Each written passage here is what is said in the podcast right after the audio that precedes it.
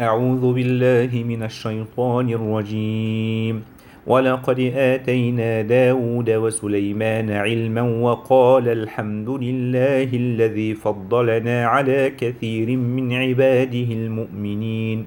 وورث سليمان داود وقال يا أيها الناس علمنا منطق الطير وأوتينا من كل شيء.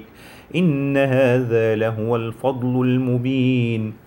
وحشر لسليمان, لسليمان جنوده من الجن والإنس والطير فهم يوزعون.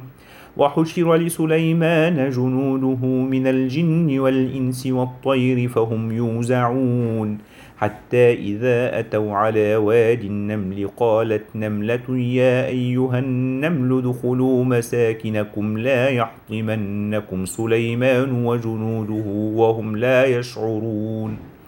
فتبسم ضاحكا من قولها وقال رب أوزعني أن أشكر نعمتك التي أنعمت علي وعلى والدي وأن أعمل صالحا ترضاه وأدخلني برحمتك في عبادك الصالحين.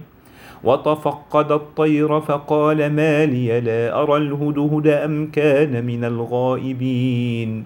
لأعذبنه عذابا شديدا أو لأذبحنه أو ليأتيني بسلطان مبين.